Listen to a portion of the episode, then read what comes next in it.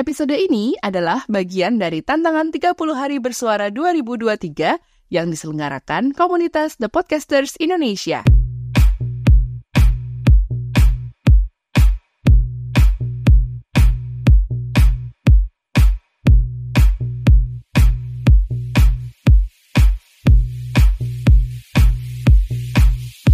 Hai, halo, assalamualaikum. Happy holiday, Bu Ibu. Semoga tetap awas semangat liburannya ya, meski mungkin harus macet-macetan di jalan dan harus antri-antrian di lokasi wisata. Anyway, adakah yang memanfaatkan liburan kali ini untuk honeymoon alias berbulan madu? Bulan madu pertama? Wah, pasti excited banget nih. Atau maybe ini adalah honeymoon yang kesekian barangkali make sure aja ya bener-bener cari tempat yang mendukung. Maksudnya kalau emang bener-bener mau liburan get away buat honeymoon gitu ya, ya jangan cari lokasi-lokasi yang memang udah terkenal ramenya pas musim liburan gini.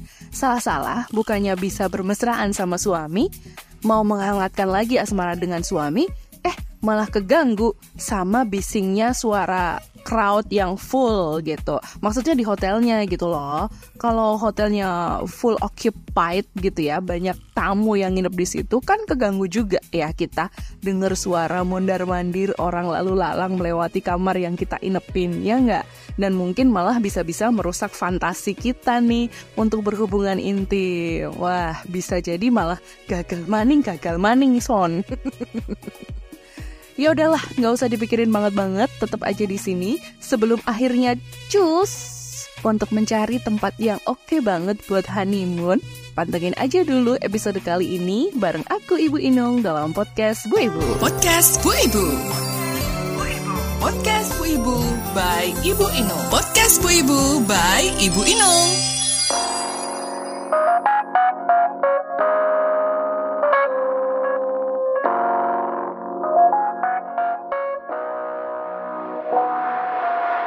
Ibu-ibu, keseharian kita yang udah diisi dengan berbagai rutinitas yang berulang itu pasti bikin kita jenuh ya.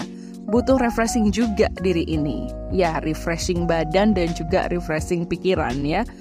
Masa liburan kayak gini pasti enak banget ya kalau kita bisa ikutan liburan juga. Apalagi kalau bener-bener bisa free gitu dari kegiatan domestik sehari-hari yang kadang cuma itu-itu aja urutannya bisa get away yang jauh yang bisa dinikmati berdua sama suami wah kayaknya bonus banget buat kita gitu loh dan kayaknya kali ini boleh lah ya kalau misalnya mau liburan dulu bareng sama suami aja berdua nggak bawa anak-anak biarin aja deh anak-anak liburan di tempat nenek kakeknya ya minta pengertian ke orang tua untuk bisa nitip anak-anak selama beberapa waktu agar bisa holiday berdua sama suami. Ya, demi kesehatan hubungan suami istri, untuk menebalkan lagi cinta dan juga bara asmara gitu ya. Apalagi kalau umur pernikahan itu udah mulai banyak gitu, udah dua digit gitu. Benar-benar harus diusahakan untuk membuat api kasih sayangnya tuh tetap menyala gitu. Apalagi kalau selama ini aktivitas hubungan intim itu agak terganggu karena kesusahan mencari waktu yang pas di rumah kalau malam-malam takut anak-anak tiba-tiba terbangun atau mungkin khawatir tidak bisa menjaga volume suara saat berhubungan intim. Tahu sendiri kan? Dan tentu saja mungkin kenikmatan yang nggak terlalu maksimal karena pas melakukan itu banyak pikiran ini dan itu saat di rumah gitu ya. Belum lagi kalau ingin memuaskan fantasi suami istri yang mungkin juga tidak bisa dilakukan di rumah. Waduh, emang boleh ya kalau udah jadi suami istri itu berfantasi? Ya, uh, boleh lah. Tapi fantasinya apa dulu? Bu Ibu, menurut pakar seks sekaligus spesialis kandungan dan kebidanan, Dr. Boyke Dianugraha, punya fantasi seks itu adalah hal yang wajar. Nyatanya beberapa pasangan itu terbiasa mencoba aktivitas seks dengan nuansa berbeda dengan harapan supaya bisa menciptakan sensasi baru dalam aktivitas bercinta. Seperti aktivitas-aktivitas lain yang memacu adrenalin, begitu juga aktivitas seks sesuai fantasi ini bisa mendatangkan sensasi tersendiri, katanya. Bahkan dok Dr. Boyke sendiri mengatakan, kadang-kadang kita memang perlu loh uh, membuat sebuah tema dalam melakukan hubungan intim gitu. Misalnya temanya dokter dan pasien kayak gitu. Jadi salah satu jadi dokter, salah satunya jadi pasien gitu. Dokternya pakai baju yang seksi, jadi pasiennya juga nanti bergairah misalnya kayak gitu. Uh, itu hanya sekedar sisi-sisi fantasi atau fantasi yang memang bisa diwujudkan gitu menurut dokter Boyke. Dan beliau juga bilang kalau berfantasi selama tidak melanggar adat budaya, oke-oke aja pada kondisi normal, seseorang itu akan bisa menahan diri untuk tidak merealisasikan fantasi seks yang bertentangan dengan nilai adat dan budaya gitu. Uh, seseorang itu boleh-boleh aja berfantasi, tapi fantasi itu tidak harus dilakukan. Fantasi is okay, tapi tidak semua fantasi harus dilaksanakan. Berkali-kali Dr. Boyke mengucapkan itu. Katanya gini, fantasi itu kalau sudah liar, misalnya melakukan hubungan seks di genteng atau misalnya di lift lah itu kalau misalnya sampai ke pergok ya gimana gitu ya. Nah di situlah gunanya untuk dipikirkan apakah akan dilakukan atau tidak. Atau misalnya fantasi untuk melakukan aktivitas seks rame-rame atau saling bertukar pasangan gitu itu sebaiknya tidak dilakukan gitu ya. Nah menurut seksolog Mbak Zoya Amirin aktivitas berfantasi seksual itu juga khususnya bagi pasangan suami istri itu masih sering disepelekan ya. Padahal menurut Mbak Zoya itu adalah salah satu kunci kehidupan seksual berkualitas untuk jangka panjang gitu. Menurut Mbak Zoya, fantasi seksual itu adalah gambaran mental atau pola pemikiran yang menggerakkan seksualitas seseorang. Dan nggak banyak yang tahu bahwa berfantasi itu sebenarnya juga dibutuhkan untuk meningkatkan gairah seksual pasangan suami istri gitu. Uh, fantasi itu dinilai penting karena jadi kunci seks yang hebat dalam menjalani rumah tangga yang awet. Menurut Mbak Zoya, pasangan suami istri itu boleh berfantasi bersama lalu mewujudkannya dalam sesi hubungan intim. Dan umumnya setiap pasangan yang sudah menikah itu punya fantasi seksual yang berbeda-beda saat melakukan hubungan suami istri. Tapi seberapa penting sebenarnya untuk tahu fantasi seksual yang dimiliki pasangan kita? Yang jelas kita itu perlu untuk lebih dulu uh, tahu fantasi itu supaya nantinya pasangan atau kita sendiri ya kita sama-sama tidak menghakimi dan gitu loh nggak judgmental ketika kita udah tahu gitu karena menurut Mbak Zoya sendiri hal-hal semacam ini dapat berpengaruh terhadap keharmonisan rumah tangga ke depannya. Maksudnya tuh dijudge gitu. Wah, kamu liar banget ternyata fantasinya kayak gitu. Ah, gila kamu bla bla bla bla gitu. Ya, tapi kalau memang perlu diobrolkan ya diobrolkan aja gitu. Perkara akan dilakukan atau tidak tentunya kembali lagi ke konsen dari dua belah pihak gitu. Sebuah penelitian yang punya judul Sex Differences in Sexual Fantasy Pattern yang dilakukan oleh Glenn Wilson dan Rudy Lang ini mengungkapkan bahwa fantasi seks pria dan wanita itu tergolong dalam empat tipe, yaitu eksplorasi pasangan seks, yaitu maksudnya itu mau berpasangan dengan sejenis, lawan jenis, atau lebih dari satu orang, kayak gitu. Kemudian tipe yang kedua adalah intimacy, misalnya tentang bagaimana cara berciuman, oral sex, kemudian menggunakan sex toys.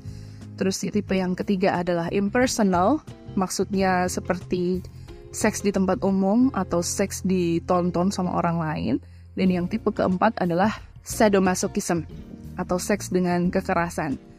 Sedangkan ada juga seorang psikolog sosial bernama Justin Le Miller dalam buku Tell Me What You Want, The Science of Sexual Desire and How It Can Help You Improve Your Sex Life, membagi fantasi seks itu menjadi tiga tipe, yaitu tipe seks berkelompok, kemudian Tipe yang kedua adalah BDSM, bondage, dominance, submissions, dan sadomasochism, yaitu uh, perbudakan, dominasi, kepasrahan, dan juga sadomasochisme. Atau bisa dibilang ini adalah gairah seks setelah menyakiti, gitu ya.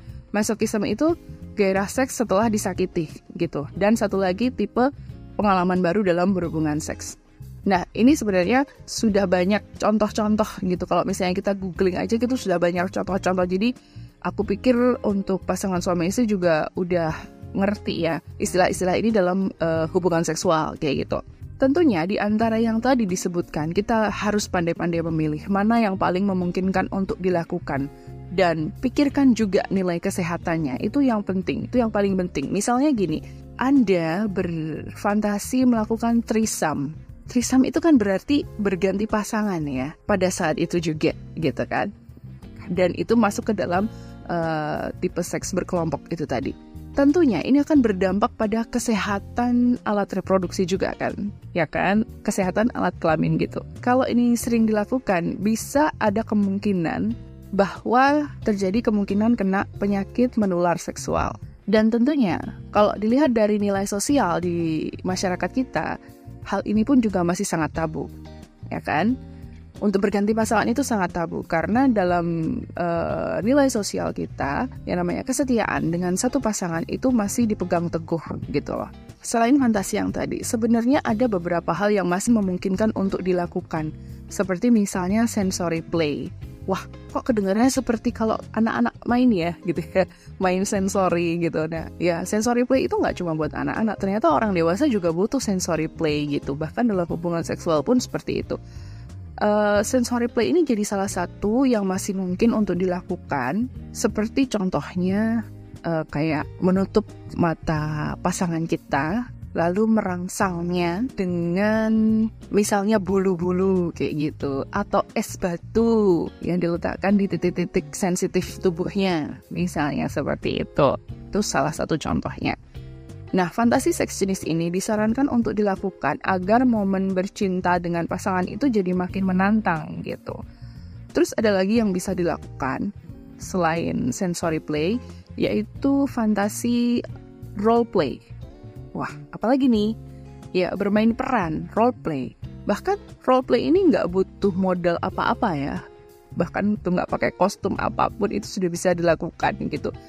Biasanya role playnya uh, seperti yang sebelumnya tadi dicontohkan, yaitu menjadi perawat dan pasien, atau misalnya menjadi bos dan bawahannya kayak gitu, atau misalnya jadi penjahat dan superhero, misalnya seperti itu gitu ya. Terus role playnya bagaimana? Role playnya ya berpura-pura menjadi mereka, tapi dalam dialognya itu disisipi dengan dirty talk gitu ya, dengan obrolan-obrolan yang menjurus ke ranah seksual kayak gitu ya. Itu sangat mungkin dilakukan. Tapi tentunya butuh tempat yang memadai gitu ya. Mungkin kalau di rumah itu agak susah dilakukan ya berarti memang harus get away dulu untuk bisa melakukan itu kalau memang anda saat ini juga sedang berencana honeymoon dan melakukan untuk melakukan itu mewujudkan fantasi itu well I think it's a good idea juga gitu selain itu ada juga fantasi yang sebenarnya banyak loh yang ingin mewujudkan ini yaitu cosplay. Nah, tapi jangan dibayangin cosplay itu seperti memakai baju layaknya karakter-karakter anime gitu enggak sih, enggak harus seperti itu gitu ya. Enggak harus seperti itu. Tapi yang jelas cosplay ini akan membuat fantasi seks itu semakin liar karena didukung dengan kostum yang sesuai dengan roleplay yang dimainkan. Misalnya uh, suami ibu punya fantasi bisa berhubungan intim dengan Wonder Woman gitu. Nah mungkin ibu bisa mulai nyari kostum Wonder Woman yang seksi gitu untuk kemudian mengawali foreplay hubungan intim dengan suami it's fine gitu. Itu nggak masalah gitu kan. Tapi nggak mungkin juga dilakukan di dalam rumah ya. Takutnya malah dilihat sama anak-anak gitu. Nah Pasangan suami istri yang memainkan fantasi seks ini akan mendapatkan kepuasan bersama gitu dan menjaga hubungan seksual itu bervariasi. Justin Lemiller tadi juga menyebutkan bahwa berfantasi itu bisa juga untuk mencoba hal atau pengalaman baru, misalnya mencoba posisi seks yang belum pernah digunakan sebelumnya gitu.